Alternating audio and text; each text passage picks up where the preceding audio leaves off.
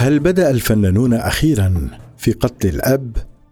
محمد خير لا يتذكر أحمد حلمي الفنان الكوميدي المصري الشهير الكثير من طفولته في حواره قبل أيام مع الإعلامي الإماراتي أنس بوخش يبدي اندهاشه من أن المرء أو هو بالتحديد ينسى معظم أحداث طفولته فلا يبدأ في تذكرها جديا إلا من مرحلة المدرسة الإعدادية المتوسطة.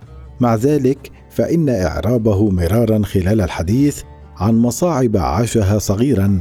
قد يعكس أن الأمر ليس محض نسيان وأن الأقرب للحقيقة هو الوصف الذي استخدمه باقتضاب وبصيغة فصيحة.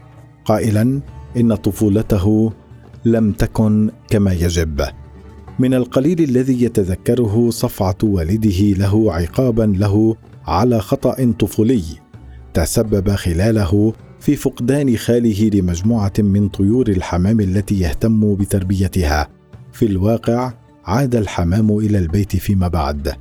صفعه والده لأنه فتح نافذة ما تسببت بخروج الحمام أو لأنه كذب مدعيا أن شقيقه هو الذي فعلها.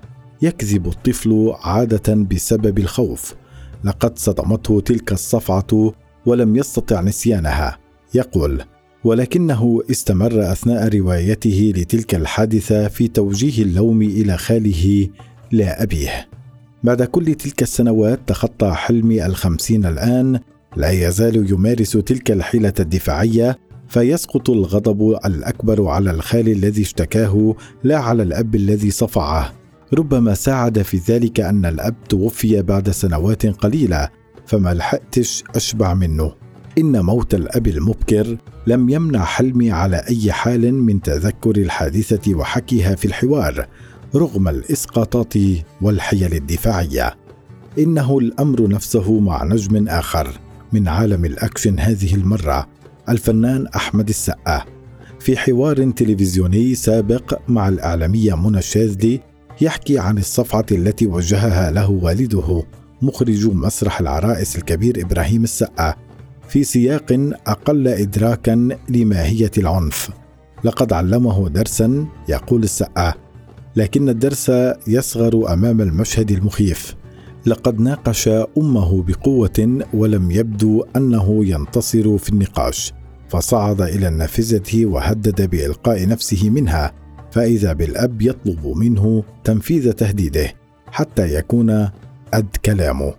لم يقفز السقا وحين نزل عن النافذة صفعه الأب وهذا علمه أن يفكر قبل أن يتكلم رغم محاولاته استخلاص العبر من الحكاية.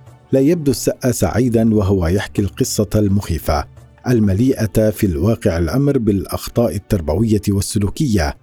يمكن القول إنه بإقدامه على حكي القصة تماما كما يفعل أحمد حلمي يعبر عن صوت مكتوم استغاثة قادمة من سن أصغر ضد أب يصعب تحديه. تتحرر النجمة يسرى تماما من تلك الحيل الدفاعية ربما لأن مشهدها كان اقسى وعلاقتها بوالدها وبزوجة الوالد كانت أكثر تعقيدا ولأن العنف كان أشد واقسى معرفش لغاية النهارده ضربني بالكوباية ليه؟ تقول يسرى. بعد أكثر من أربعين عاما من الحادثة في حوارها مع الإعلامية وفاء الكيلاني كانت في بدايتها الفنية أتمت لتوها الواحد والعشرين من العمر وكانا في مكان عام فندق مينا هاوس الشهير. الأشهر في ذلك الوقت.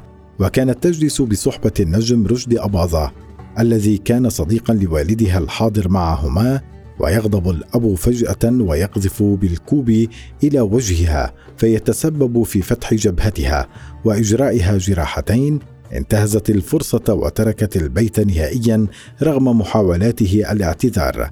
لماذا كل ذلك؟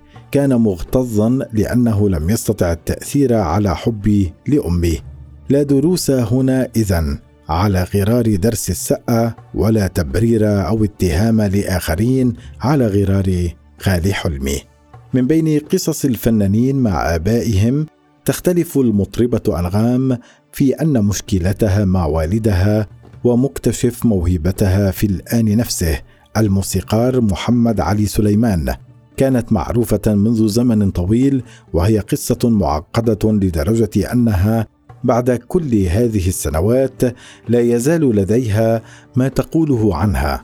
قبل شهرين حكت أيضا لأنس بوخش أن أصعب موقف في طفولتها حين رأت والدها يعتدي بالضرب على أمها ربما زاد من تأثير المشهد العنيف أنها كانت تحبه بشكل هستيري على حد وصفها. كان الرجل اللي كنت بتعلق في كتافه. على العكس من حالات اختلاط المشاعر التي يمتزج فيها الحب هستيريا أو عاديا بالصدمة كان تعبير الإعلامي المخضرم محمود سعد واضحا وخالصا ما بحبوش حين حكى قبل عام عن قسوة الأب التي تمثلت في عنف من نوع آخر عنف التجاهل والتخلي المادي والمعنوي عن أبنائه. رغم قدرته المادية ترك الأبناء الأربعة في عناية الأم وحدها وحين جاءه خبر موته قبل أكثر من ثلاثين عاما ما حستش بأي حاجة. الإعلان عن عدم الحب وفقدان الإحساس حتى لحظة الموت شكلا صدمة لمجتمع أبوي يفترض أن البر بالوالدين يقضي بالاعتراف بحبهما حتى لو كان وهميا.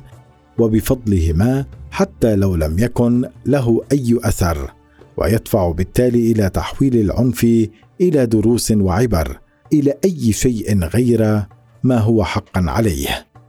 يصف علم النفس لحظة قتل الأب الرمزية بأنها لحظة النضج الحقيقي لحظة أن نرى آباءنا كبشر عاديين لا ابطالا ولا أساطير إنها اللحظة التي سنتخلص فيها من أبوة المجتمع أيضا من ابتلاع العنف والقهر والإساءة وتوجيه الغضب إلى أنفسنا وفيما بعد إلى أبنائنا.